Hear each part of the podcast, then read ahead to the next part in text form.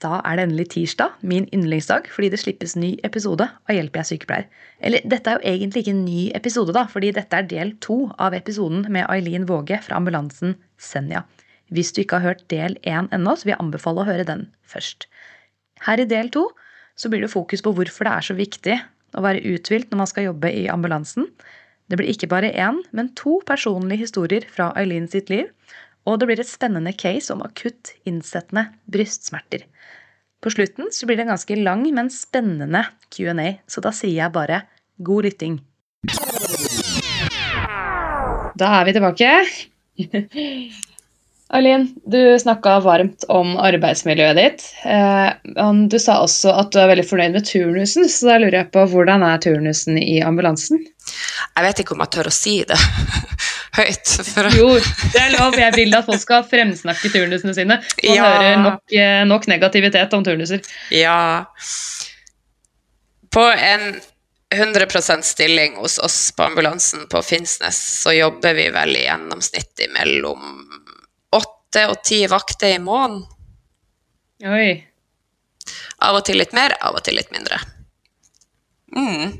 Blir det, det nok penger i lommeboka da? Ja, altså det er en 100% turnus. Det som gjør at vi har en sånn turnus, er at vi har så mye aktivtid per vakt, uh, der vi er aktive og får uh, stående lønn, holdt jeg på å si. Uh, så det utgjør da at vi kan ha Vi har lange perioder med fri innimellom. vi har hatt 18,5 timer aktivtid per vakt til nå, men nå blir de faktisk økt for at vi skal kunne beholde den turnusen vi har. Det var sånn tidligere at uh, i sånn her ubekvem arbeidstid så skulle man jobbe 33,5 timer. Det er økt til 35 timer nå. Så det kommer til å bli fordelt på alle turnuslinjene at man har en del mer aktivtid per vakt man går, da. Men det er for at vi skal kunne beholde den turnusen som vi går.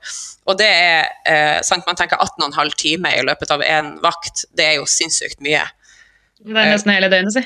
Det er nesten hele døgnet. Eh, men så er det også sånn at vi er, vi er regulert av noen lover og regler som gjør at vi kan ikke jobbe i 18 timer, det sier seg sjøl.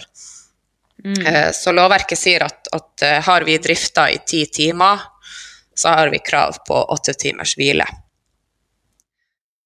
Blir det det, da? Ja. Det hender at man kjører i 10-12-13-14-16 timer. Og at man da ringer inn og sier til AMK, da, som vi tar kontakt med på ambulansen, og så sier man at hei, nå har vi drifta så og så lenge, vi har behov for å hvile. Og da sender de oss et sånn skjerma oppdrag, så er vi på skjerming. Vi er likevel på vakt, men vi er skjerma. Dvs. Si at vi skal primært hvile de åtte timene. Kommer det akuttoppdrag i løpet av den hviletida vår, så er vi plikta til å ta de akuttoppdragene. Det som skjer da, er at de åtte timene med hvile de startes på nytt etter at vi er ferdig med det oppdraget. Ja, så bra. Men uh, dere er jo Hvor mange biler var dere på hvert døgn, sa du? På Finnsnes ja. er, vi, er vi tre døgnbiler som drifter. Og det som er der, er at vi har forskjellig aktiv og passiv tid gjennom døgnet. Så vi har en egen nattbil. Altså når noen hviler, så er noen aktive? Ja. Vi har, vi har en dagbil, og så har vi en sånn midt imellom-bil, og så har vi en nattbil. Og nattbilen de drifter fra ja, jeg tror det er syv til syv, om jeg ikke tar helt feil. Så det er liksom dem aktive fra syv på ettermiddagen til syv på morgenen.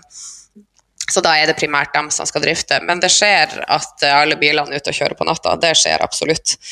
Uh, og så er det også sånn at, at, vi er ikke så veldig bastant på de her ti timene. Det kommer jo an på. altså Vi har jo den her human factor. Er man i stand til å kjøre oppdrag, så kjører man oppdrag. Og er, sånn, det er jo et tillitsbasert system. sånn at hvis vi ringer inn og sier at hei, vi har nå drifta i seks timer, men vet du hva, jeg er så sliten, jeg, jeg kjenner det at jeg har veldig behov for hvile, så er det åpenhet for det, altså. Men så er det samtidig ja. sånn at har vi drifta i tolv timer og vi ringer inn, så er det ikke spørsmål. Da setter de oss på skjerming. Altså det er null problem.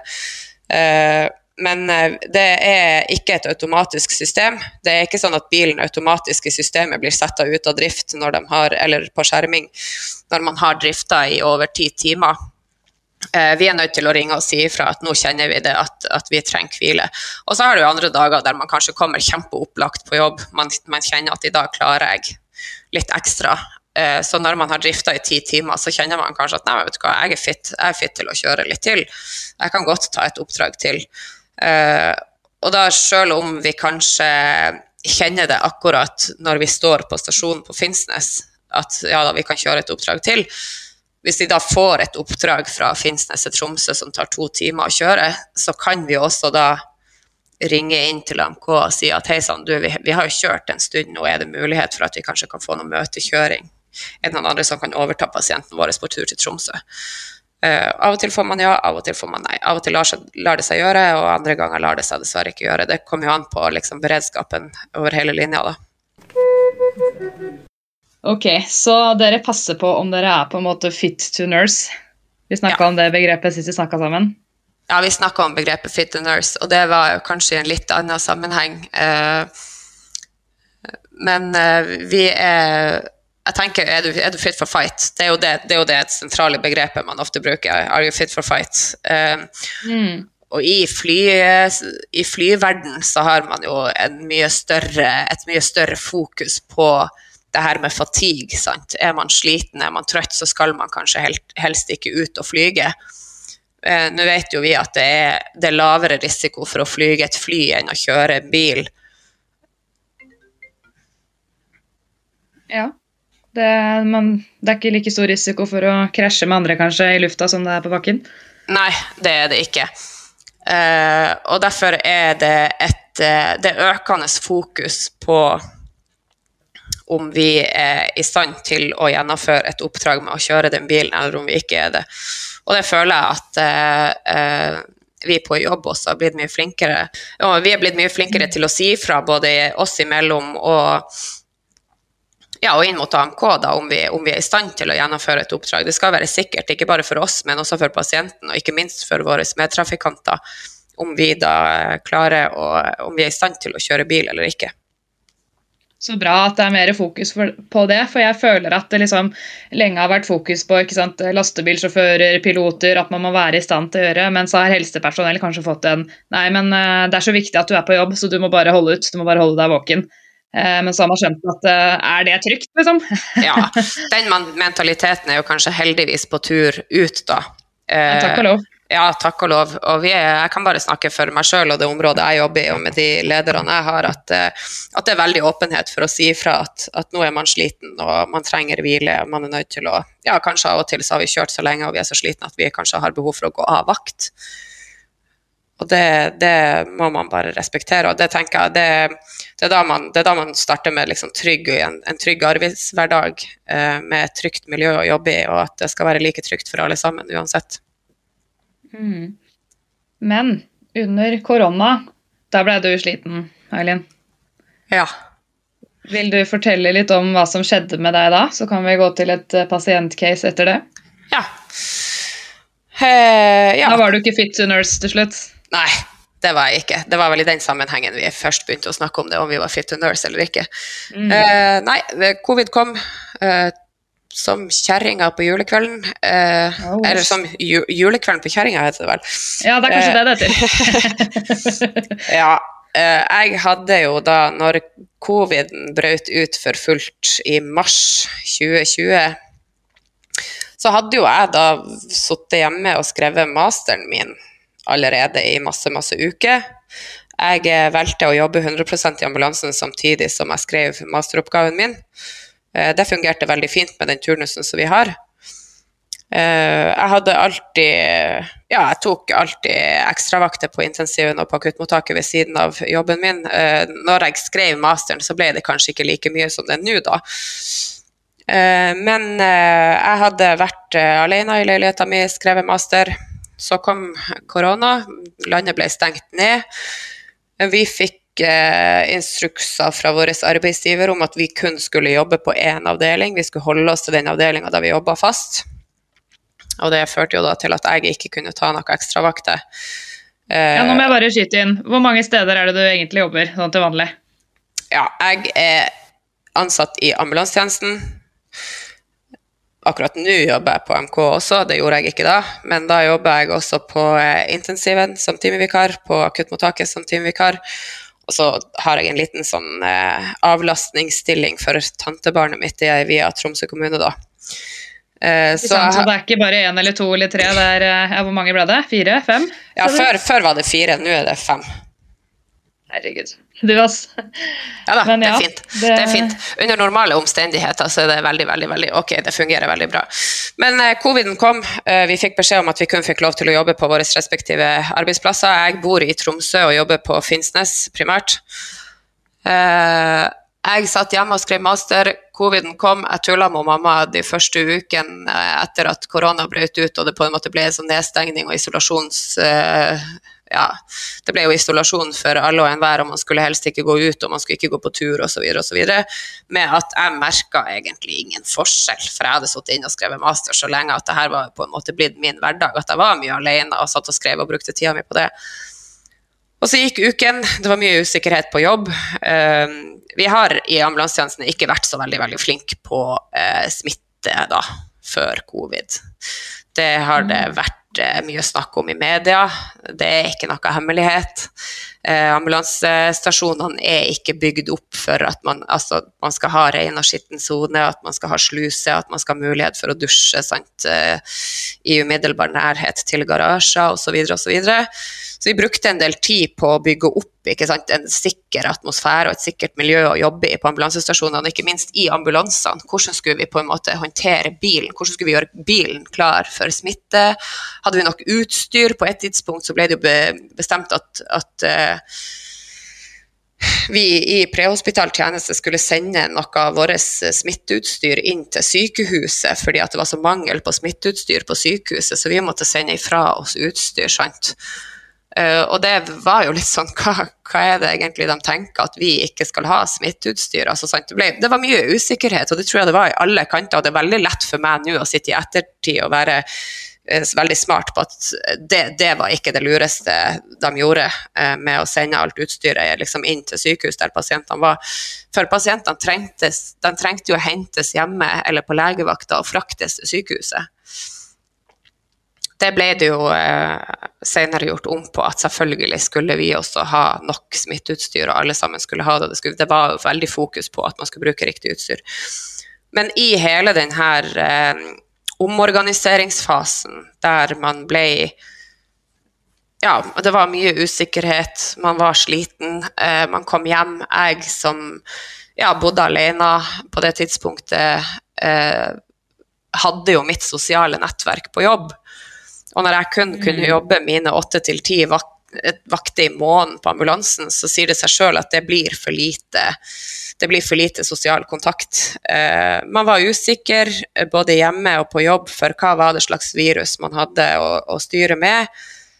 Eh, kanskje siden jeg var intensivsykepleier, så tok jeg en del ansvar som kanskje ikke var mitt å ta i forhold til hvordan håndtere denne pandemien. Eh, hvordan skulle vi gjøre det, hvordan skulle vi organisere oss på stasjon, hva var det viktig at vi gjorde i bilene osv. osv. Så, så, det førte til at eh, jeg ble veldig eh, sliten, utmatta kanskje, av eh, hele min hverdagssituasjon. Hele, hele det her eh, Ja, at jeg måtte være alene eh, fordi at jeg samtidig også var veldig redd for å smitte familien min, eh, både søsken og foreldre og tantebarn, med eventuelle sykdommer som jeg kunne få på jobb, da, primært av korona. Man var jo veldig redd, man ante jo ikke hva man hadde å gjøre med. Eh, så jeg var jo veldig, var jo veldig ansvarsbevisst da, i forhold til det at jeg i hvert fall ikke som intensivsykepleier og som tante eller søster eller datter skulle smitte noen videre, da. Så det ble veldig Det var veldig belastende for meg. Eh, jeg hadde, jeg hadde litt å gå på til slutt. Eh, og når man har vært overbelasta over lang tid, så blir man eh, Da har man lite å gå på. Da er reservekapasiteten mm. brukt opp, og det utspeila seg jo dessverre en dag mellom meg og min sjef, der jeg ja, fikk en liten breakdown på jobb i etterkant av at jeg eh, hadde vært på vakt jeg skulle til å fare hjem. Så oppsto det da en opphetet nordnorsk diskusjon, kan man kanskje si, på stasjonen da. Der jeg ikke var så veldig Ja, der jeg var ikke så veldig fornøyd. Eh, og ble møtt på det for all del av sjefene mine. De var veldig åpne på at ting kanskje ikke hadde vært helt greit. Jeg skal ikke gå ut i detalj hva vi diskuterte for noe, men, eh, men de, var, de, var, basically veldig enige med meg. Men jeg var så sliten at jeg, eh, jeg ble veldig sint og lei meg og opptrekt og ja, kanskje litt skuffa. Lunta var kort, si. Lunta var kort, ja. Mm. Eh, så for jeg da, jeg, for, jeg forlata jobben min da etter denne diskusjonen, og så eh, gikk det noen timer, så ringte sjefen min meg og, og eh, sa det at eh, han hadde sett over lang tid at jeg var sliten. Han så det at eh, nå hadde jeg på en måte nådd et punkt eh, som han ikke syntes var bra for verken meg eller arbeidsstedet mitt. Eh, og han oppfordra meg til å gå til fastlegen min og, for å kanskje da få pause da, gjennom en sykemelding for en periode. Det var veldig nødvendig. Det gjorde jeg. og da fastlegen min han sa jo på sin side at nå er du nødt til å reise hjem til foreldrene dine, for du er nødt til å være sammen med folk og drite i nærkontakter. Må skal, nå skal du, skal du lage deg nye nærkontakter hjemme hos foreldrene dine, du skal dra dit. Um, og det gjorde jeg, og det var veldig, veldig, veldig nødvendig. Og det var veldig, det var veldig ok å møte på forståelse hos, uh, hos fastlegen min, men ikke minst å få den ja, å få på en måte den uh, aksepten fra sjefene mine at uh, det, er jo, det, er jo, ikke ok å være uh, altfor direkte eller nordnorsk i en diskusjon, da. Det, det Eller ikke Nord-Norge, si.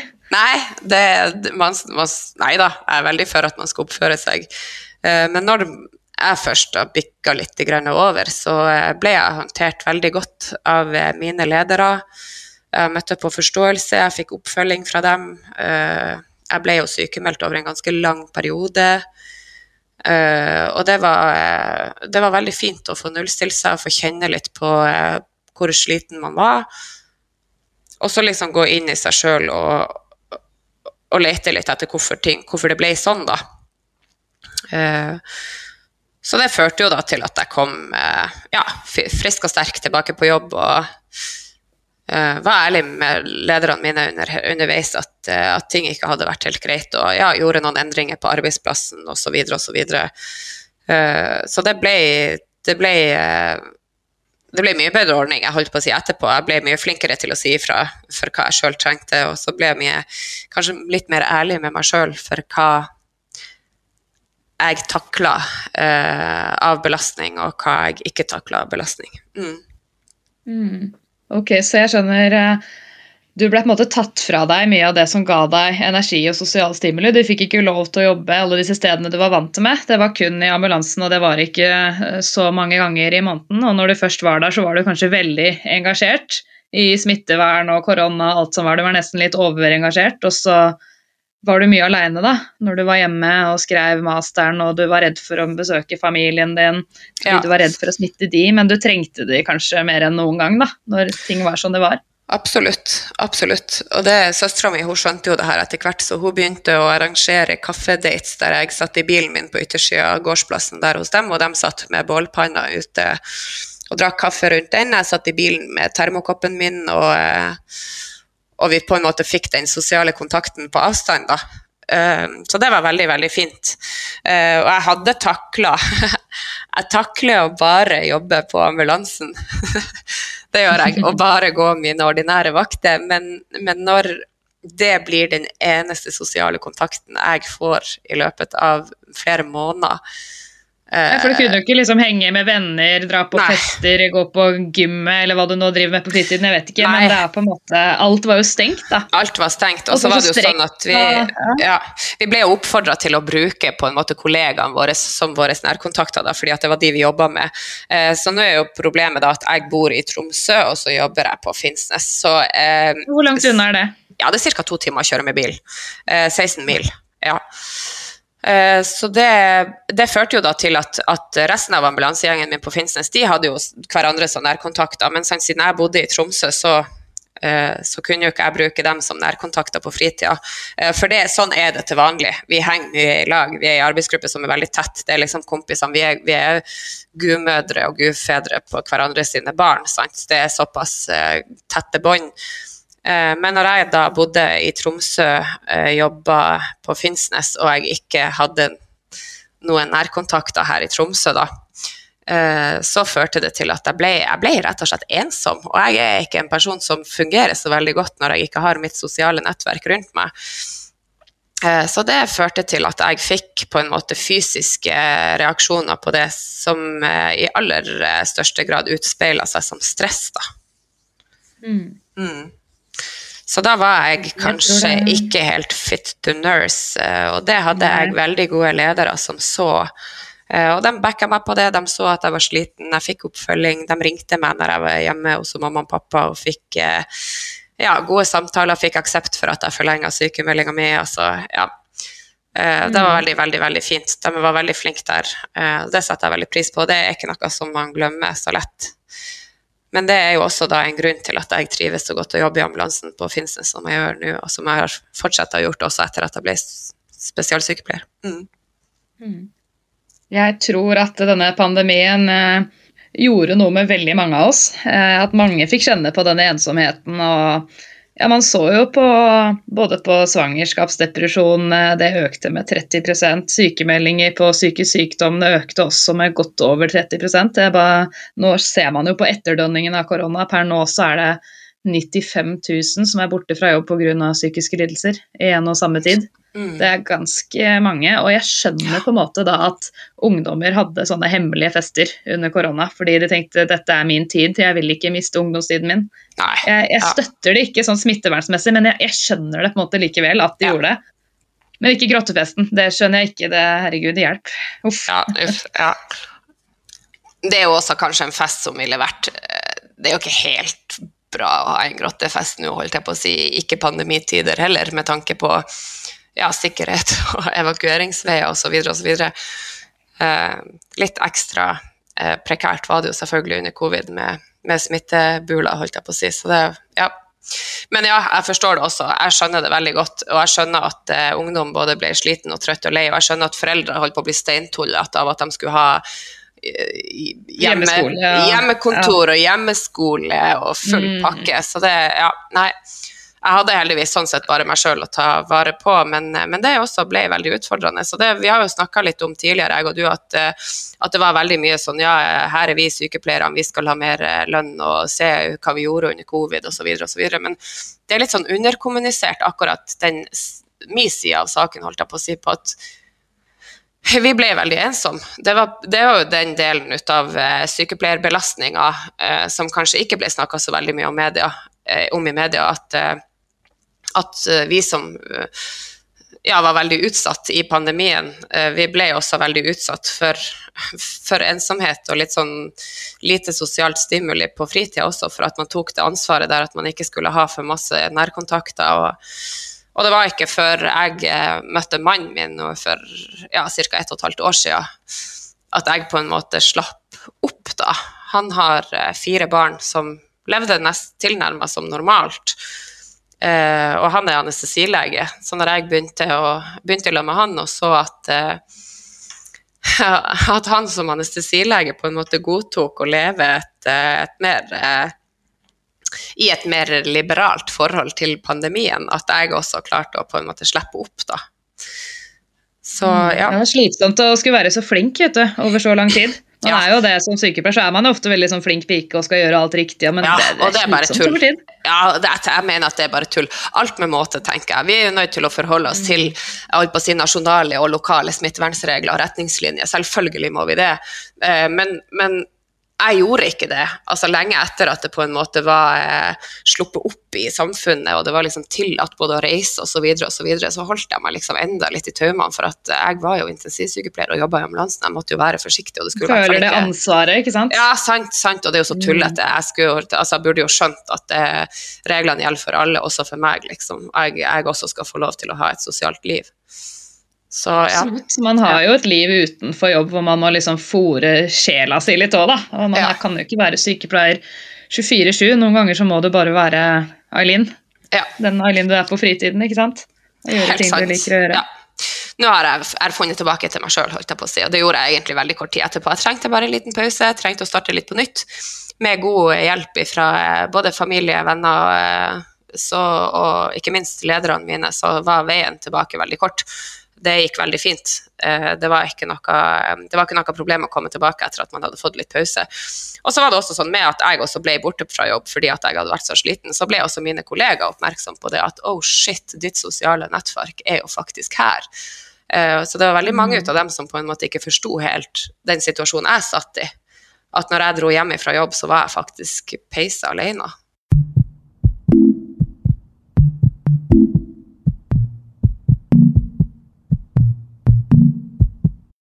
Men jeg lurer på en ting. Bor du fortsatt i Tromsø, som er to timer unna jobben i ambulansen? Ja, det stemmer. Men hvor tidlig er det du må stå opp om morgenen hvis du skal på dagvakt? Nå er det sånn at eh, jeg har eh, 50% permisjon fra ambulansen for å jobbe eh, 50% altså den andre 50% min i et vikariat på AMK, da.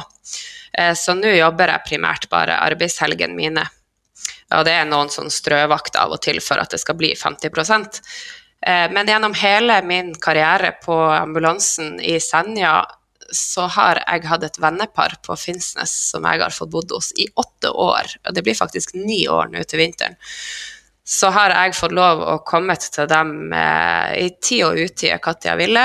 Um, og da har jeg primært brukt og kjørt ned til Finnsnes kvelden før jeg skal på jobb, og så har jeg overnatta hos dem Eh, sånn at jeg da kunne stått opp i normal tid og gått på jobb klokka åtte eller klokka ti eller klokka tolv, alt etter sånn hvilken bil jeg skal på. Ja, Så du har brukt dem som en liten sånn base når du ja. har hatt jobbeperioder? da? Ja. ja. Og det, Så kjekt. Ja, gud hjelpe meg at det finnes sånne mennesker. Det, det, det er for lite kommunisert om i verden. Men de har vært på en måte mine engler som jeg har fått bodd hos. og det har jo ført til nære bånd. Jeg var forloveren hans når han gifta seg med eh, kona si. og hun skal være min forlover når jeg skal gifte meg i mars. Så hyggelig. Det var faktisk et av spørsmålene til Q&A hvem som er forlover i bryllupet ditt. Det kom en del personlige spørsmål, jeg har bare ikke tatt med alle. Nei, mon tru hvem som har sendt inn de spørsmålene, men det er ja, nok hun Katrine eller hun Kristianne som har sendt inn de. Mm. Mm, så gøy. Men passer det kanskje med et case nå? Yes, det passer alltid for et case. Eh, et faglig case. Ja, det er gøy. Jeg har skrevet et case eh, om en, et brystsmerteoppdrag. Mhm. Og eh, har, casen er som følger. Vi får melding, akuttoppdrag i ambulansen. Mann i 50-årene som har brystsmerter starta for 15 minutter siden.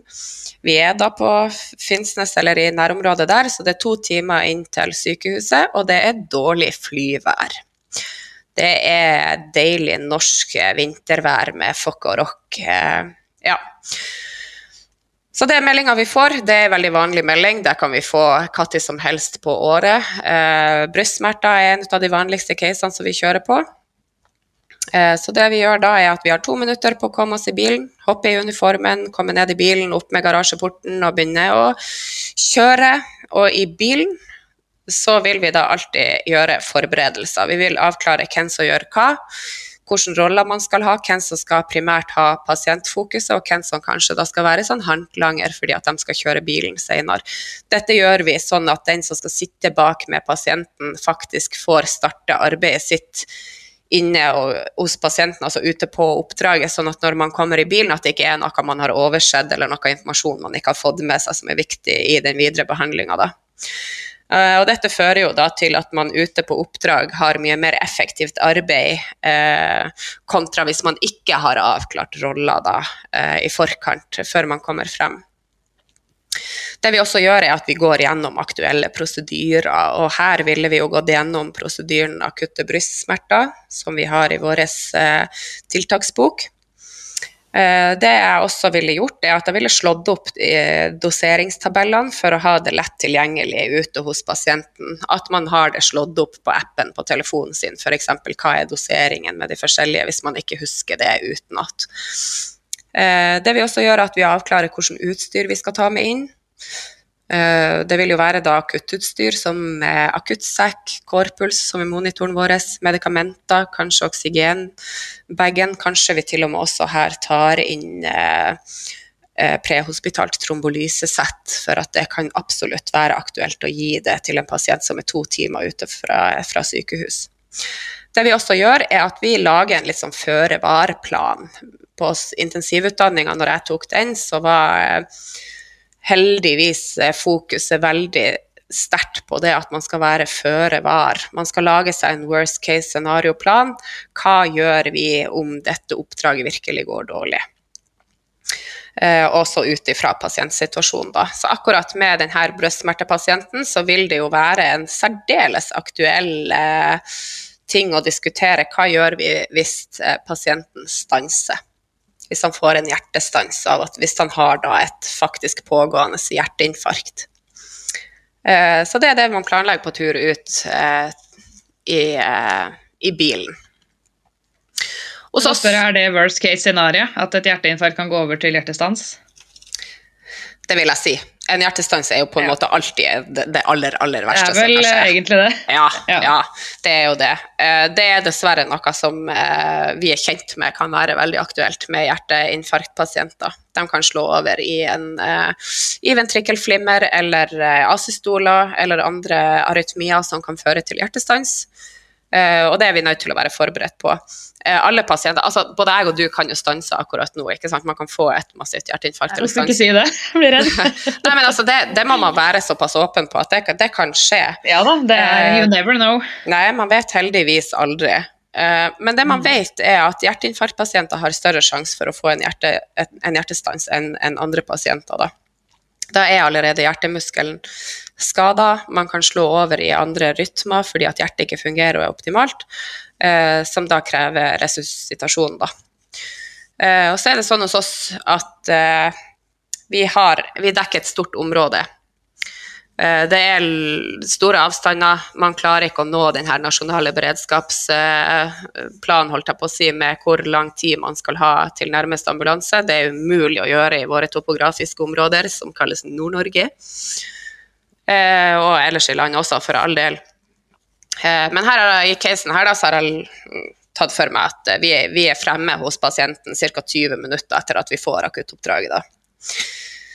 Det vi gjør når vi kommer frem, er at vi gjør en rask primærundersøkelse, og vi gjør tiltak etter ABCDE. Uh, eh, I tillegg da, så, uh, da finner vi hos denne pasienten at A, altså airways, er OK. B, breathing, pusting. Pasienten puster hurtig, overfladisk, besværa. Han er smertepåvirka tydelig i pustearbeidet sitt, men han har rene lungelyder. Eh, C circulation så finner vi at pasienten er bleik, han er kaldsvett, han har lavt blodtrykk og lav puls, men han har en ok saturasjon. Altså gass, gassutvekslinga fungerer fortsatt normalt. Eller det er fortsatt tilstrekkelig, kan man kanskje si. på et Hva er metningen? Metninga ja. er på 98, ja. Okay. Så tar vi et EKG som viser ST-elevasjon i avledning 2 tre AVF. Og det vil si at pasienten har et nedreveggsinfarkt.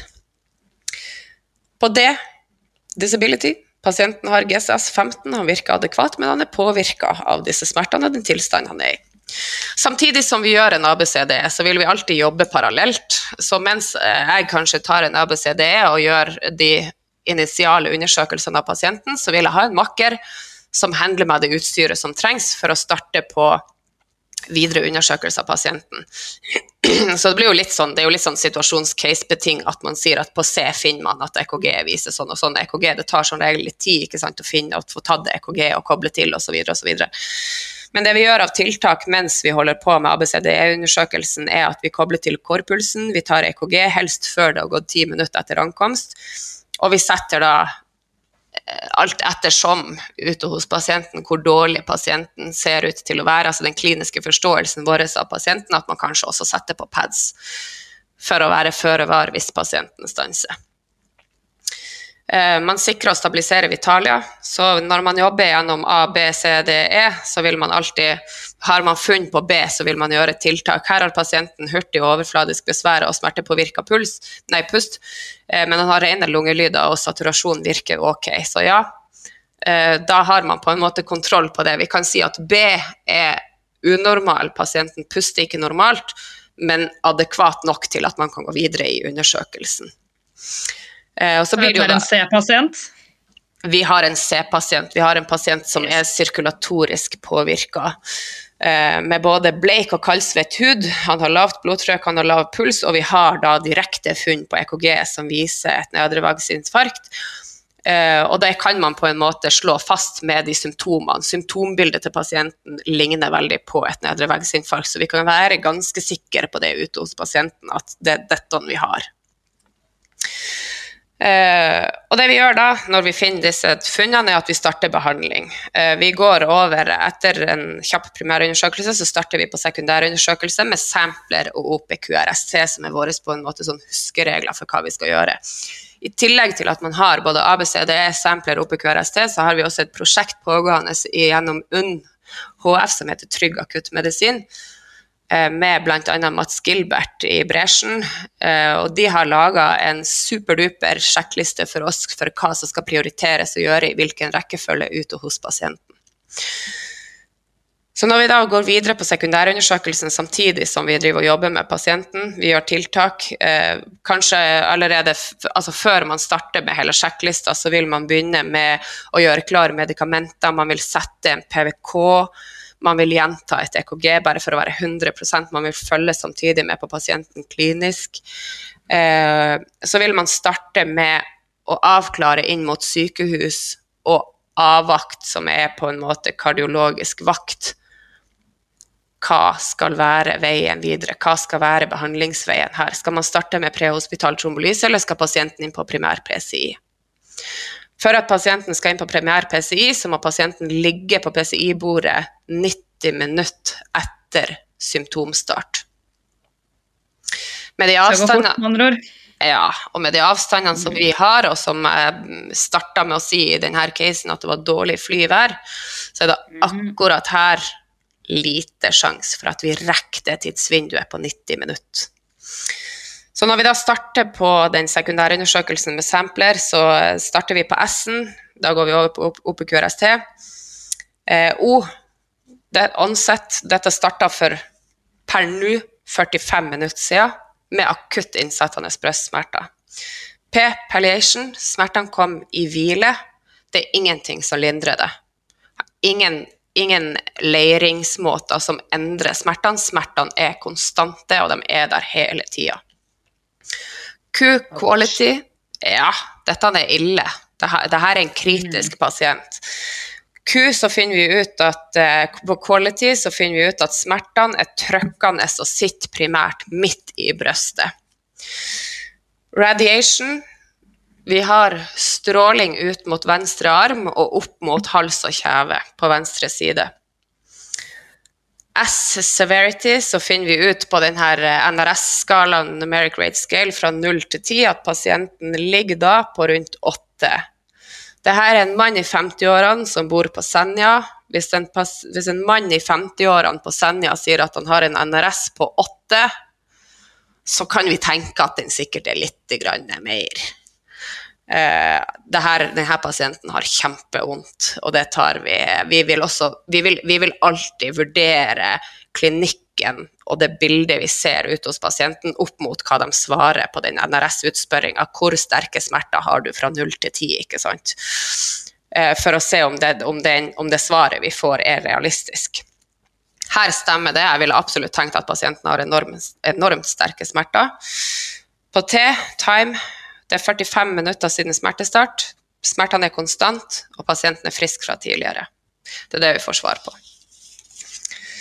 Vi går videre på eh, ampler. Nå har vi gjort S-en i sampler, så starter vi på ampler. Pasienten har ingen allergier, eh, ingen faste medisiner, tar Paracet av og til. Pasienten er frisk fra før. Han har spist middag for to timer siden. Uh, og så blir vi å spørre på én hva var det som gjorde at dere ringte 113? Jo, det var akutte smerter som kom plutselig mens pasienten var i hvile. På R så oppsummerer vi risikofaktorene. Og her ute så vil jeg gjøre det høyt sammen med makkeren min. Ok, vi har en pasient, vi har et STEMI, vi er langt fra sykehuset, det er ikke noe flyvær, dette er risikofaktorene. Vi setter på pads, vi ringer inn og avklarer med avvakta på UNN hva skal vi gjøre? Vi, får, vi ringer til AMK, vi sier hei, Vi har sendt inn et EKG, det viser S-televasjoner i nedre vegg. Vi ønsker en konferanse med avvakta. Prater med avvakta. Hei, vi har denne, disse funnene. Vi er ute på Senja. Eh, vi har fått beskjed fra MK at det er ikke flyvær. De har allerede prata med piloten på luftambulansen i Tromsø og for så vidt piloten på luftambulansen i Harstad. Det er ikke flyvær. Vi kan ikke sørge for luftstøtte. Det vil si at det er over to timer med dritvær og kjøring som gjør at vi kan ikke satse på en primær PCI her inne. Vi får ikke pasienten inn på sykehus for å ligge på PCI-bordet før det er gått to timer. Så det vi videre gjør da Vi har tatt EKG, vi har, tatt, vi har satt det på pads, vi har etablert to gode VNV-er, helst enten med bruk av PVK eller IO, intraosøs nål. Kan du sette det? Det kan vi sette. Vi er utsjekka for å sette det. Ja. Eh, hos denne pasienten så ville jeg nok ha starta væske. Han har et nedreveggsinfarkt, det krever ganske mye væske. Han har et lavt trykk. Vi burde, vi burde få opp det trykket sånn at pasienten tåler den videre behandlinga. Vi vil behandle smertene, og så vil vi se det er jo Mona-behandling, som mange har hørt om. Morfin, oksygen, nitro og ASA. Det eneste medikamentet av alle de medikamentene i Mona-behandlinga som er dokumentert effekt på, det er ASA-en. Det er desprilen, altså tylsalicylsyra. Eh, vil pasienten ha effekt ut av det? det? det? vil vi alltid overvåke og vurdere hos pasienten. Eh, og vi vil også ta et EKG sant, etter nitro for å se om det er endringer på EKG etter nitro. Ble pasienten smertefri? Ok, da har vi kanskje litt tid på oss, eller ikke. Vi vurderer transportmåten med AMK og med avvakta, og det, dette vil vi gjøre raskt. Altså ganske kort tid etter at jeg ankommer en sånn her pasient, så vil jeg forespørre AMK er det mulighet for luftstøtte. Uh, og det vi videre gjør også, er at vi vurderer uh, trombolyse som medikamentell reperfusjonsalternativ pga. at det er lang transportvei, og pasienten har et pågående hjerteinfarkt. Dette gjør vi Intravenøs behandling, trombolysen? Ja.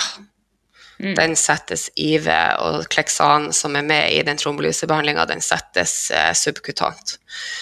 Uh, og dette gjør vi opp mot eh, Kanskje har vi legevaktslegen med oss ut på dette oppdraget. Nå har jeg ikke tatt med i case at vi ikke hadde legevaktslegen med, da, men vi vil vurdere dette opp mot avvekta og MK. ikke sant? Vi, vi sender EKG via KR-pulsen inn, sånn at uh, avvakta kan sitte og se på livedata ute fra oppdraget. og samtidig prate med oss ikke sant, for hva vi har for noe. Og sammen med dem så tar vi eller sammen med avvakta så tar vi liksom eh, avgjørelsen om vi skal gi trombolytisk behandling eller ikke. I denne casen så fikk vi lov til å gi metalyse, som er det trombolytiske medikamentet vi bruker på hjerteinfarkt prehospitalt. Pasienten ble smertefri. EKG-forandringen gikk tilbake, og vi kjørte pasienten inn til UNN. Skal alltid inn på UNN. Universitetssykehuset Nord-Norge? Universitetssykehuset Nord-Norge, eller til nærmeste sykehus, eh, hvis man er andre steder i Norge. Eh, ja, og pasienten fikk en rescue PCI og eh, fikk litt eh, Ja, staka opp et par blodårer og kanskje måtte bruke blodfortynnende resten av livet, men overlevde dette hjerteinfarktet, og det gikk bare godt. Yay. Herregud, Eileen. Jeg sitter med grøsninger jeg, gjennom hele caset. Jeg syns det er så kult å høre på. Du bare har stålkontroll. Jeg hører at dette her har du vært gjennom før. Eh, ja, et par ganger. ja. For meg, det er så lenge siden jeg på en måte har gått gjennom sånne case. Det var jo sikkert sist på sykepleierutdanninga da når vi snakka om Mona-behandling. Og det ordet var lenge siden jeg hadde hørt. Ja. Jeg jobber jo med noe helt annet. Altså det, selvfølgelig, Sånne ting kan jo skje der jeg jobber òg, men da har jeg et akutteam jeg bare kan ringe, så kommer de på en måte og fikser resten. Nemlig. Ja. Mm. ja. Nei, wow. Det virker veldig spennende å, å, jobbe i ambulansen. Det må jeg bare si. Det er sikkert mange, mange av lytterne som ja, får mersmak. Også med ambulansen, vi snakka litt om det tidligere. Hva kreves å være Man må være beslutningsdyktig. Man må kunne sine ting. Vi har ikke tid til å finne ut av ting i lag med noen. Vi må vite hva vi har, hva vi gjør. Vi må kunne diagnostisere, vi må kunne finne symptomene og slå sammen og tenke hva er det vi har her. Vi må kunne tolke EKG. Vi må vite hvordan man kobler opp. Altså, når pasienten har bakreveggsinfarkt, så må vi kanskje ta et bakreveggs-EKG. Hvis man ikke har gjort det før, så er det veldig knotete og vanskelig å gjøre det. Altså, det er mange ting som man gjør ute i ambulansen som, eh, som, man kanskje vil gjøre i mer ro og mak eh, som sykepleier andre steder. Da. Det virker som det er mye kardiologiske problemstillinger som dere rykker ut til? Ja, en del. Det er nok absolutt majoriteten ut av det vi røkker ut på. Eh, men det er absolutt mye annet. Men, men altså, akkurat det her med brystsmerter og hjerteinfarktpasienter, det er noe vi er veldig kjent med. og uh, som, vi, som, vi, har ganske kontroll på. Altså, det er prosedyrer som vi kan inn og ut. Uh, det er ikke noe Ja, det, det er ikke nytt for oss, for å si det sånn. Men når pasientene ringer da og sier det er brystsmerter, hvordan kan man på en måte på forhånd eh, tenke om det er angina pectoris eller om det er infarkt? Nei, da vil man jo, på, eh, da vil man jo allerede i 113-samtalen på MK, der jeg jobber nå, eh, begynne utspørringa med at når kom smertene, hva gjorde du når smertene kom, kom de i hvile eller kom det mens du holdt på med noe? Altså sånn Typisk angina pectoris er jo at man kanskje sto ute og mokka verandaen, ikke sant? og så fikk man så klemmende brystsmerter, og så gikk det kanskje over når man setter seg ned, ikke sant? eller at man tok en nitro, og så gikk det over. Og så er det jo allerede da i 113-samtalen begynner å kartlegge tidligere sykdommer. Har du hatt det her før? Hva skjedde da? Hva viste det da? Eh, hva slags medikamenter bruker du? At man, at man, starter allerede der og undersøker hos pasienten. Man, man, starter jo med en pasientundersøkelse via telefon også. Og så er det jo vår jobb i ambulansen å komme ut og eh, verifisere eller ikke verifisere at det de har sagt på telefonen stemmer eller ikke stemmer. Man vil jo i 113-samtalen begynne allerede der og få en liten hunch på hva er det vi har å gjøre med. Eh, hvis det, er er førstegangs brystsmerter, så er det vel alltid, da bør det vel alltid sjekkes ut fort? Ja da. da har man vel ikke nitro i skuffen, på en måte? Nei, da har man ikke nitro i skuffen, så da vil man jo ta EKG. ikke sant? Så vil man alltid kjøre pasienten. Kanskje er det ikke så hyperakutt. Hvis, altså hvis ikke EKG viser noe hårreisende, så vil man jo kanskje ta pasienten med til legevakt. At man får en undersøkelse hos legen. Legen kan gjøre med litt mer utfyllende hjerteundersøkelser. Vil kanskje også på enkelte legevakter i Norge kunne ta måletroponin for å sjekke om det er hjertemarkører, altså om, om det er brystmuskelskade, liksom, eller ikke. Um, og så vil kanskje pasienten få en undersøkelse på et sykehus eh, den, den nærmeste tida, da. Mm. Vet du hva, da gjenstår det egentlig bare Q&A-delen, hvis ikke det var noe mer du gjerne ville si? Jeg tror jeg, jeg er veldig god å prate, så nei da, du kan, eh, vi, skal, vi skal følge din tidsplan her. Ja, men da tenker jeg at jeg bare setter litt på pause og går og finner meg noe mer cola. Kan jeg gå og tisse? Absolutt. Ok. Skal vi se Pause.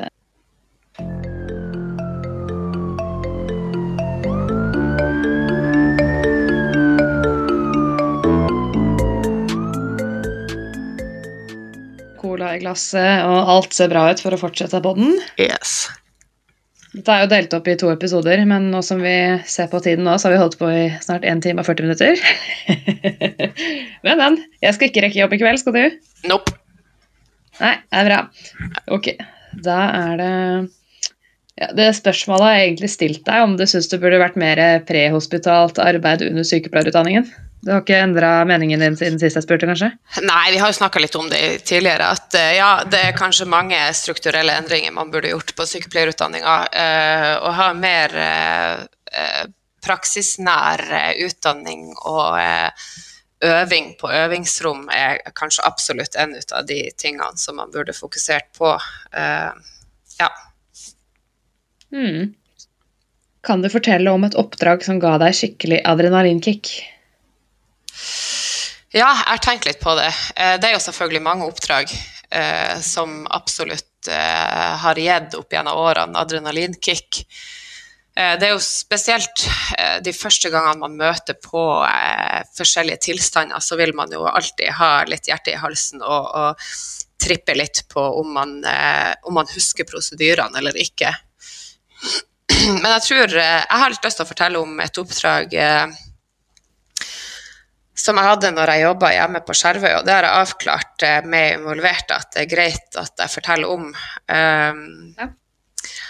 Og på Skjervøy så var det sånn når jeg begynte å jobbe der Skjervøy er ei knøttlita øy helt i Nord-Troms, på grensa til Finnmark. Der er jeg fra. Det er ca. 2500 innbyggere. Det er ikke så veldig mye Ja, det er ikke så mye folk, men det er mye oppdrag. Uh, det er en ambulanse der. eh, Der starta jeg min ambulansekarriere. Um, det her var på en lørdag. Vi hadde hjemmevakt. Makkeren min uh, var hjemme og sulla, som jeg også ville gjort hvis det ikke var fotballkamp på Skjervøy, og broren min skulle spille fotballkamp. Jeg var i sivilt, jeg hadde med meg senderen. Jeg hadde tatt med ambulanseuniformen i bilen min i tilfelle det skulle skje noe på den fotballkampen, og hadde avtalt med makkeren min at hvis det skjedde noe der, så skulle han hente bilen og komme dit et. Med den så skulle jeg skifte der og være klar for å bidra. Eh, så skjer det da at eh, Skjervøy får en corner. Eh, broren min han er en sånn her goalgetter som Han er veldig på og sånn, Han var litt sånn målsnik når han var aktiv fotballspiller. Han Reidar. De stiller seg opp. Han henter tilfart godt ut mot 16-meteren. Og springer inn når corneren blir tatt, og i lufta så header han ballen inn i mål. Det som samtidig har skjedd da, er at en av motspillerne har stilt seg opp på mållinja for å sparke ballen ut. Og det som skjer da, er at han bommer selvfølgelig på ballen, men treffer eh, hodet til han Reidar, da, broren min. Oi. Så det som skjer, er at han går ned. Eh, han skårer jo selvfølgelig mål, ikke sant? så medspillerne hans kommer jo til å Mens han ligger på bakken, hopper litt oppå han, ikke sant, jubler. Dere har sett hvordan fotballkamper utarter seg. ja. Men jeg sto igjen med mamma, og mamma så, og jeg så òg på måten han datt på, at det var ikke et naturlig fall. da. Han tok seg ikke for eller noe, han datt bare helt som en potetsekk rett ned. Så når de her andre spillerne begynner ikke sant, å gå ifra han, så så springer jeg ut på banen. Og jeg husker så godt jeg hadde på meg snekkerbuksa mi. Jeg hadde ei sånn denim snekkerbukse og en sånn hvit T-skjorte på. Sprang ut. Eh, broren min er veldig redd for sprøytespisser, så han har svimt en del av opp gjennom årene, så vi kjenner liksom litt til når han svimer av. og han Hvor gammel sa du at han var, forresten? Den gangen? Han, ja, han er fire år eldre enn meg, så hva han kunne vært 26, kanskje. Jeg var 22. Mm. Eh, jeg springer ut på banen, han begynner å krampe der han ligger. Og jeg husker enda til at dommeren liksom ble veldig forstyrra av at jeg kom springende ut på banen. Eh, så han ropte liksom til meg at jeg må springe bort, men jeg så jo at broren min ikke var bevisst, så jeg sprang bort. Mm. Fikk lagt han, han lå da på mage og kasta opp uh, og kramper. Så jeg fikk rulla han over i en type sånn log roll over på sida. Det var en annen kollega av meg som også jobber i ambulansen, men som ikke hadde vakt, som også var så på den kampen, som kan springe hans ned fra andre sida. Og vi da sammen fikk etablert frie luftveier, fikk gravd ut oppkast fra munnen hans. Uh, og han kollegaen min skjønte jo at jeg var nødt til å melde ifra, ikke sant, at vi måtte ha ambulansen dit osv., så, og så, videre, så jeg trakk meg litt ifra. Fikk ringt etter de andre. Um, så makkeren min fikk jo da akuttoppdrag med lege. Jeg ga beskjed til AMK om at jeg var på stedet, de skulle bare komme dit med ambulansen og legen. Uh, at pasienten fortsatt var bevisstløs, han reagerte ikke på smertestimuli, uh, men han pusta. Uh, og han hadde kramper, men krampene var nå gått over, men vi fikk fortsatt ikke kontakt med han da. Så de kom nå etter hvert med ambulansen. Han var fortsatt ikke bevisst. Han hadde, Etter sparket i hodet så hadde han liksom nådd å få et sånt stort sånn pølsehematom på sida fra tinningen og bak. da. Så vi skjønte jo at her hadde vært mye krefter i sving. Og så kom de med ambulansen. Legen ble litt sånn forfjamsa over at jeg var der i privat. Og så er det så små forhold på Skjervøy at alle vet jo hvem alle er, så han skjønte jo at ok, her er du emosjonelt påvirka, for det er bror din. sant? Mm. Eh, så legen og, og makkeren min tok da veldig ansvar. Jeg husker også at han kollegaen min som også var og så på den fotballkampen, han ble også med i ambulansen inn til helsesenteret i påvente av helikopter. Fikk han inn der. og Mamma er også sykepleier, som nevnt tidligere. Hun hjalp også å få, inn en PVK, men det var ganske vanskelig. Vi sleit ganske hardt med det. Helikopteret kom, eh, helikoptermannskapet. Jeg husker så godt legen kom inn i bilen. Og han kjekk på meg, og så sa han at eh, Eileen, godt jobba, nå går du ut. Så jeg fikk trukket meg tilbake, og så husker jeg enda en eh, veldig god eh, pilotkollega av meg som jobber på luftambulansen, som heter Tor Magne Arnesen. Han sto klar på yttersida, tok imot meg. Hjalp meg å vaske, eller få vekk det verste oppkastet og blodet som jeg hadde på snekkerbuksa mi. Eh, Satte meg i helikopteret mens de drev og jobba med han inne i bilen. Eh, Og så ga han meg bare veldig klar beskjed om at nå skal du hjem. Du skal ikke fortsette å være på vakt. Vi skal ta han med til Tromsø, vi skal ta godt vare på han og passe på. Eh, men nå skal du gå av vakt, liksom. Ja. Eh, det gikk veldig bra. Han var avsvimt en god stund etter at han kom til Tromsø, men han hadde en massiv hjernerystelse. Han eh, ble hjemme, han, var, han ble lyssky, han fikk en del sånn senvirkning ut av det der en god stund etterpå. Jeg var selvfølgelig sykemeldt en lang, lang tid etterpå. Eh, men det oppdraget førte til at eh, jeg ønska ikke å jobbe mer på Skjervøy. Jeg husker det var den siste vakta mi den sommeren som jeg hadde hjemme på Skjervøy. Uh, og det var da jeg begynte på tredjeåret på sykepleien, da, uh, og begynte å ta vakter på Nordkjosbotn uh, og i Skibotn istedenfor å ta vakter hjemme på Skjervøy da, ved siden av studiet. Og så da i, i januar-februar så begynte jeg å ta ekstravakter på Finnsnes, da. Mm, det kan bli litt nært når man jobber liksom tett på der man bor, der familiemedlemmer bor. Ja, så er det jo sånn på Skjervøy at man kjenner alle. Um, ja. Og det er på en måte ikke problem å være eh, på oppdrag hos folk som er bekjente, som man vet hvem er. Det, det, det, kan jo selvfølgelig være veldig utfordrende, det også, for det blir veldig nært. Og det krever en del all mm. ære til dem som faktisk bor og jobber på Skjervøy og andre små lokalsamfunn. Det er helt fantastisk. Eh, de menneskene har på en måte en evne til å sortere eh, litt bedre enn hva jeg hadde. Men når jeg fikk broren min bevisstløs over såpass lang tid i bilen, så så kjente jeg det at jeg har alternativet med å jobbe andre steder, og det vil jeg prioritere. For jeg syns ingenting om å ha broren min eh, som pasient. Det ble veldig nært. Ja, du vil helst ikke oppleve det igjen, si? Nei, jeg vil helst ikke oppleve det igjen. Men det som denne hendelsen lærte meg da, var at når det skjer, når man er nødt til å ta vare på sine nærmeste som er akutt syke eller skada, eh, så klarer jeg å fungere jeg gjør riktige tiltak og klarer å, å, sortere ut det som er viktig og det som ikke er viktig. Uh, men det er en mye lengre på en måte uh, tilhelingsprosess i etterkant av sånne oppdrag enn hva det er uh, med andre pasienter som man kanskje ikke har sånne men emosjonelle bånd til. da. Ikke sant. Som du sier, eh, på kort sikt så klarer du å være skjerpa, men på lang sikt eh, det kan være tungt eh, emosjonelt. ikke sant? Ja, men jeg må bare spørre, hvordan går det med broren din den dag i dag? Det går kjempefint. Han har jo selvfølgelig fått andre skader med tanke på den fotballen. Han var nå for en stund siden og røyk. Han slutta ikke med fotball?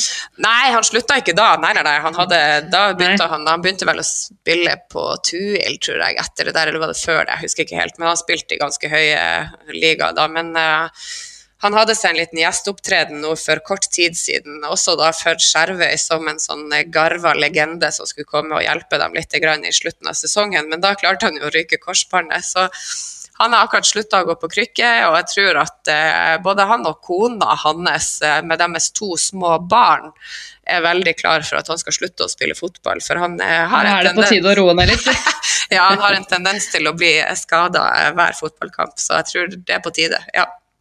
På tide å roe ned for han, og på tide med neste spørsmål for oss. Ja. Yes. Eh, hvordan er det med tanke på medisiner som skal administreres i ambulansen? Eh, du sa det jo litt i stad at dere hadde noen stående forordninger som dere kan gi, og så er det noen ganger dere må ringe lege. Er det noe mer du bør si på det?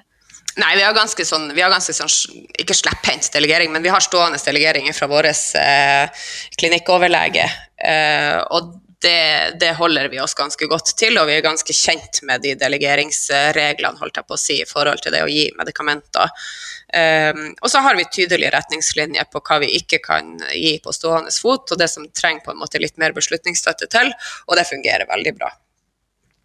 Mm. Så man trenger ikke å ringe legen og spørre om man kan gi en Paracet, sånn som man må på sykehus? Paraceten er de faktisk litt restriktive med. Og det, det er litt rart, men det er Spesielt nå har vi fått eh, IV Paracet, og der må man holde tunga litt i munnen. Og det, det, er mange som flirer til meg når jeg sier at Paracet er et av de medikamentene som jeg har mest respekt for. Eh, men som intensivsykepleier så har jeg sett at Paracet det kan faktisk Dægen, man får dårlige intensivpasienter hvis man gir Paracet hurtig IV da får man både blodtrykksfall og det som verre er arytmie osv. Så, videre. så jeg har veldig respekt for å gi Paracet IV til pasienter. Eh, som intensivsykepleier så ser jeg at pasienter ofte får blodtrykksfall. Eh, både de som ligger sedert på respirator, men også pasienter som jeg har på bil, eh, eller i bilen. Er veldig, jeg gir det veldig sakte. Men eh, ja, vi, vi, har stående delegering på det også, men, men en, det er krav til vurderingskompetanse, så du skal vite hva du holder på med. Det skal ikke være fare for noen av bivirkningene ikke sant, som står lista opp som faremomentene med å gi Paracet. Uh, men ja, vi, vi, har, vi har lov til å gi på stående fot mye mer medikamenter enn hva den generelle sykepleieren har. altså. For da må man, En ting er man må ringe legen og spørre om det er greit, og så må man finne en annen sykepleier for å dobbeltsignere. ikke sant? Så det tar av og til på sykehus da, ganske lang tid å få gitt en medisin til en pasient hvis ikke pasienten står på det fra før. Ja, ute så er vi jo veldig Vi er jo altså vi er to stykk, så vi får på en måte den dobbeltkontrollen ganske kjapt. Uh, og vi har heldigvis uh, ferdig utregna doseringstabeller, sånn at det, det med dobbeltkontroll det går som regel snapt for oss, for å si det sånn. Uh, det er bra. Det bør jo være sånn at det går fort. Ja, på sykehus tar det som regel litt lengre tid hvis man ikke, ja, hvis man ikke finner folk. På intensiven der, eh, der, har vi sjelden eh, problemer med å finne noen som kan dobbeltkontrollere medikamenter på oss. Men på generelle poster så kan det være litt mer hektisk, ja. Mm. ja for Der flyr jo sykepleierne rundt overalt, mens ambulansen der er dere alltid sammen. Og på intensivstuer så er det jo alltid flere sykepleiere på en ja. stue. Ja, ikke alltid, men det er iallfall eh, i umiddelbar nærhet til andre, andre sykepleiere. Ja. Mm. Mm. Um, har du opplevd fødsler? Ja. Det har jeg. Har du, har du, måttet ta imot noen barn? Uh, vi har heldigvis, vi er så privilegert på Finnsnes at vi har, uh, vi har fødestue på Finnsnes.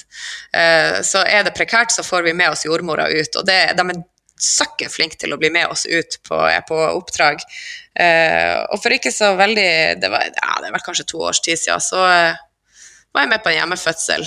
Heldigvis hadde vi jordmora med, men barna ble født på badet, og vi måtte hjelpe å ta imot. Det var det er jo de oppdragene som er de aller fineste oppdragene. Det er kanskje der jeg har mm. mest adrenalin av generelle oppdrag, fordi at det er et nytt liv som skal komme til verden. Vi er ikke så drilla på fødsler. Det er veldig fint å ha med jordmora.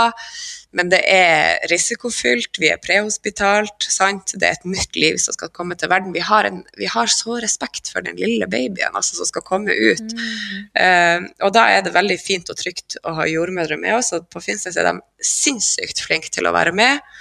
Uh, vi har en veldig fin dialog med dem. De er steike dyktige. De er, altså, der snakker vi baller på de jordmødrene der, altså. Uh, den hjemmefødselen gikk kjempe, kjempefint. Ehm, jeg husker jeg var så stolt sjøl etterpå for at jeg fikk på et tidspunkt holde den babyen. Altså, det var jo helt eh, Ja, guri land. Da snakker vi adrenalinrush. Da sitter man etterpå og nesten dirrer i bilen fordi at tenk hva vi fikk lov til å være med på. Det er veldig artig. Mm. Så bra. Jeg skulle gjerne kommentert det mer, men eh, vi må videre. Eh, hei, Eileen. Hva er det mest positive og hva er det mest negative med å jobbe i ambulansen? Hvis du kan svare i korthet. Ja, det mest positive er jo egentlig alt. Jeg liker turnusen, jeg liker faget, kollegaene, utfordringen. Eh, jeg, jeg har svært problemer med å finne noe negativt. Det negativt er jo da at det av og til kan være dårlig vær. Eh, og dårlige veier, og at man har eh, enkelte biler som fungerer litt dårligere enn andre. Men da er man jo mer over på det tekniske, det er jo på en måte ikke faget. Uh, så jeg, jeg, jeg, sliter litt med å finne noe negativt med å jobbe på bil. Altså. Det er jo derfor jeg jobber der og har fortsatt å jobbe der etter at jeg tok spesialutdanninga. Uh, så den tror jeg kanskje man må uh, til noen andre og stille det spørsmålet, tror jeg. Det har nok litt til å si hva slags personlighetstype man har, hva ja. man syns er negativt. Ja, det tror jeg også. Det, ja da, absolutt. jeg tror også Eh, det er enkelte dager der man jobber 16-17-18 timer. Som, eh, hvis du hadde stilt meg det spørsmålet da, så ville jeg ikke ha vært like positiv, altså. For all del. Da, mm. Når jeg er trøtt og sliten og sulten, ikke minst, eh, så, så er jeg litt sur. Men, men likevel, selv om man er trøtt og sliten og sulten, så er faget så steikartig at jeg har problemer med å si at, det, at jeg ikke har lyst til å jobbe i ambulansen sjøl når jeg er så sliten at jeg holder på å trippe. Altså. Så gir det mer energi enn det tar energi, da? Absolutt. Ja. Nå er vi jo litt innpå det her, egentlig. Da kan vi gå til neste spørsmål. Hva er det mest utfordrende du jobber med? Syke barn. Ja. Det, det, tror jeg, det, tror jeg, det spørsmålet, det, eller det svaret tror jeg du vil få egentlig fra alle som jobber i ambulansen. Det er mm. særdeles uh, utfordrende. De er små, de er skjøre. Eh, det er pårørende til stede. Det er så enormt med emosjoner inne i bildet når barn er syke. Eh, og det skal jo ikke være sånn sant, at unger er syke. Eh, så det vekker veldig mye i oss. Eh, og spesielt meg, jeg har opplevd Jeg er selv tantebarn som har vært veldig syk. Eh, og det, det krever mye mer enn eh, enn når voksne er syke. Altså. Det uskyldige barn skal man helst aldri se syk. eh, og det er vondt og tøft å stå i og se på, men så må man bare finne det giret som ligger langt gjemt inni deg, og så må man være profesjonell, man må gjøre det man vet fungerer. Man må prate med noen voksne som har peiling på hva som skal gjøres, og så klarer man alltid å løse det. Eh, som regel går det veldig, veldig, veldig bra. Eh, når det ikke går bra, så har vi steike flinke ledere. Vi har et fantastisk kollegium. Vi har AMK, vi har klinikkoverleger. Vi har kollegaer på en måte i hele rekka som står der for å ta imot oss. Som dere oss. kan debrife med Som vi hvis det skjer med. noe alvorlig? Ja, Ja, ja, så bra. og det er veldig bra. Mm. Mm. Ja, det spørsmålet her har du egentlig svart på. Får du bruk for intensivsykepleierkompetansen din i ambulansen? Ja, ja. Klinkende ja der. Ja. Og så, ja, da var det spørsmålet her, ja. Hvordan er det å reise hjem til personer som har forsøkt suicid? ja. Det skjer. Hvis du har vært med på det, da. Ja, det skjer. Mm. Det skjer. Det er forferdelig trist. Um, men der må vi Det fordrer at vi tar frem våre medmenneskelige side. Vi skal ha god tid. Vi har respekt overfor vedkommende.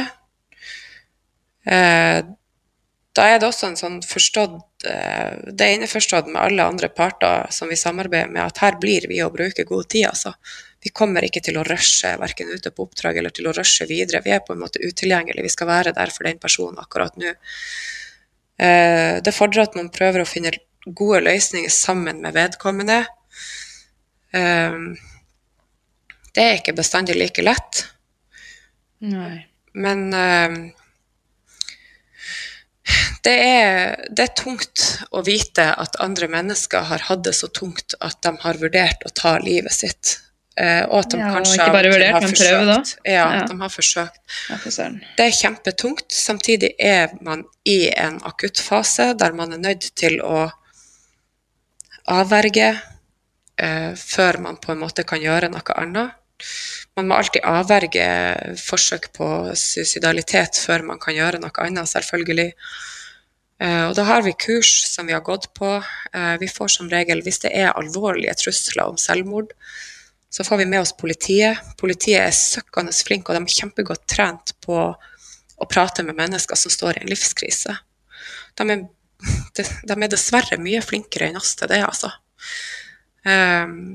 Vi har Det er kurs interessant ja, å høre, har, fordi det trodde jeg ikke, faktisk. Nei, men det er sånn at uh, står man i, i trusler om eh, suicidalitet, så er det uh, vi har, Det er et helseproblem, selvfølgelig. Psykisk helse er like mye helseproblem som å ha et hjerteinfarkt. Uh, men er det noen for eksempel, som står på brua og truer med å hoppe utfor, så er det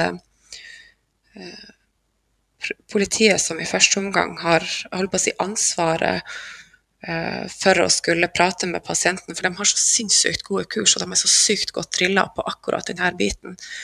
Men det er også vi. eh, Man må alltid, alt er situasjonsbetinga, sant. Men man, man må se hvem er det som oppnår best kontakt med pasienten. Kanskje det er noen pasienter som dessverre har hatt veldig negative opplevelser med politiet. Da blir det naturlig at vi går inn i den rollen. Andre har hatt negative opplevelser med helsevesenet, da blir det naturlig at politiet går inn i den rollen. Så det er situasjonsbetinga. Man er nødt til å hele tida sense hva er det beste her, man vurderer hele veien underveis. Og så forsøker man Altså, vårt mål er å hindre at liv går tapt. Og det vil alltid være det som blir hovedfokuset. Um, og så må man ha Det er forskjellige veier til rom. Uh, det, er, det er alltid um, ja, situasjonsbetinga. Det er det. Mm. Jeg tror nesten ikke vi rekker flere spørsmål. Eller du kan, eh, du kan velge. Du har du spørsmålene foran deg? Ja, noen. Ja. Da kan du velge om du vil svare på spørsmål 9 eller spørsmål 10. Oh, da må jeg slå opp. Kan du lese spørsmål ni? Ja. Spørsmål ni er kan du beskrive et av de fineste minnene dine i ambulansetjenesten?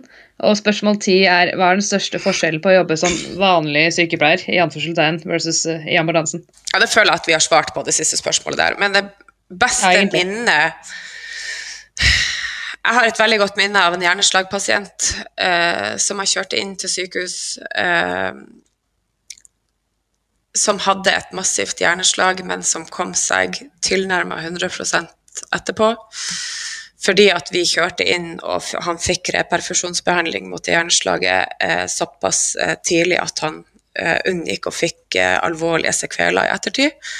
Og den pasienten kom på stasjonen og takka oss etterpå. Det var veldig rørende, det var veldig personlig. Eh, og det var veldig fint. Det er, alltid, det er så godt å høre når det går bra med pasientene våre, så spesielt der man på en måte sjøl har vært med i beslutninga om at her må vi, sant.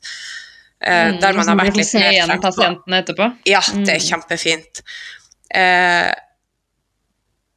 og så har jeg også en gang overlevd Nei, jeg hadde en baby da som overlevde en hjertestans. Oi. Og wow. Ja, det, det er noe som man husker, ja. Ja, det husker man det husker man for evig og alltid, og det, det, sånn, det, kan, det kan, ikke måles. Altså, da er på en måte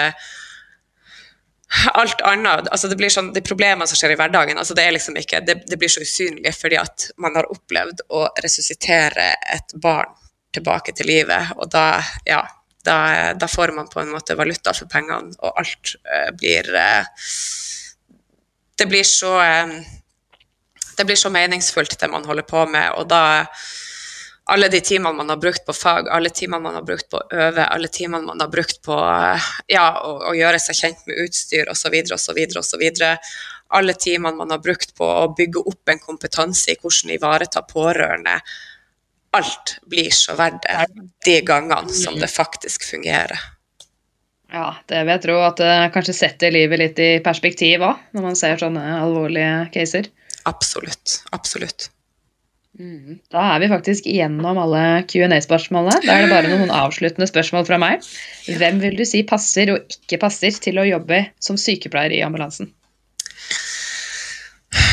Å jobbe i ambulansen passer veldig godt for de som tør å stå i akutte situasjoner, eh, ofte på egen hånd. For de som tar ansvaret lett, de som er beslutningsdyktige og som tør å stå for de beslutningene man tar. Eh, den som fungerer og jobber alene og jobber i team prehospitalt. Det fungerer kjempebra eh, for noen, og det fungerer litt verre for andre. Eh, og det passer ikke for alle de andre.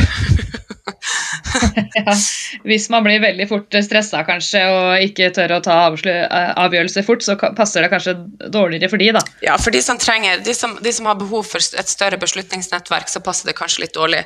Eh, for oss andre som, som eh, tør å, å, ta beslutninger basert på kompetanse og erfaring, eh, så fungerer det veldig bra. Og da er det veldig artig. Eh, der man klarer å være trygg i eh, akutte, utrygge situasjoner, uoversiktlige situasjoner, så fungerer det veldig bra. For dem som eh, blir mer stressa enn trygg i sånne type situasjoner, så fungerer det selvfølgelig dårligere. Det er jo sånn at Noen passer jo bedre til å jobbe med det akutte, mens andre passer bedre til å jobbe med litt sånn langsiktig sykepleie, hvor man har god tid til pasientene og ser dem over mange dager. ikke sant? Langtidsperspektivet. Ja, ja.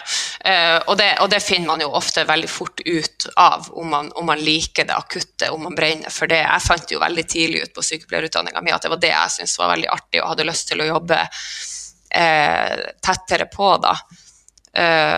og så har man jo heldigvis sykepleiere som er veldig interessert i andre perspektiver av sykepleiere og medisin.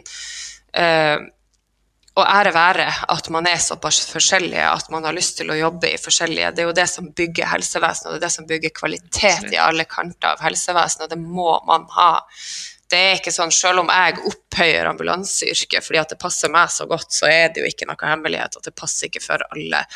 Det er en arbeidsmåte, og det er et trøkk som ikke alle tåler. og det er ja, det er til tider tungt, da. Og så handler det jo liksom om å finne de veiene eh, som fungerer for deg sjøl personlig, og om det gir deg mer enn det koster, rett og slett. Mm. Ja, da er det bare helt, helt siste spørsmålet på tampen, om det er om du har noe du vil si til dagens sykepleiere? Vær kritisk. Tør å ta litt utradisjonelle yrkesvalg. Still krav til eh, deg sjøl, primært. Sekundært til dine kolleger og til ledelsen.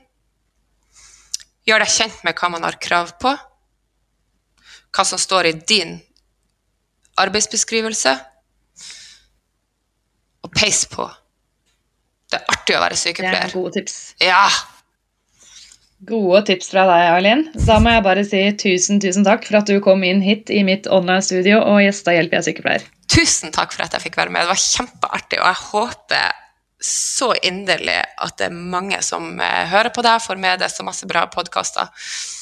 Og masse, masse fantastisk flinke sykepleiere som har vært med eh, i podkasten din, og det er, det er kjempeartig å høre på.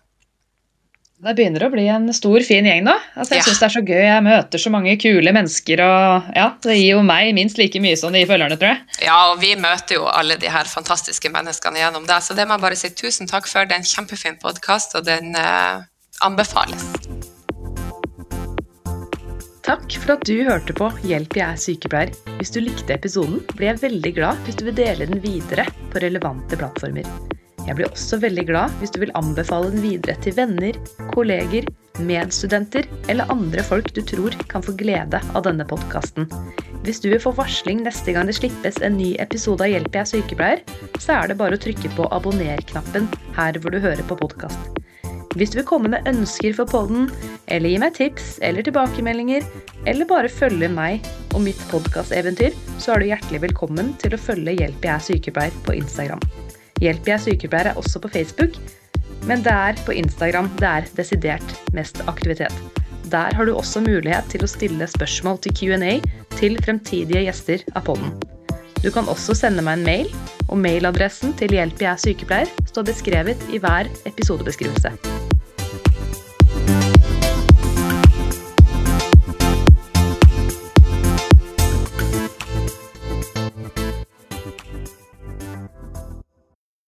Har du et enkeltpersonforetak eller en liten bedrift? Da er du sikkert lei av å høre meg snakke om hvor enkelt det er med kvitteringer og bilag i fiken, så vi eh, gir oss her, vi.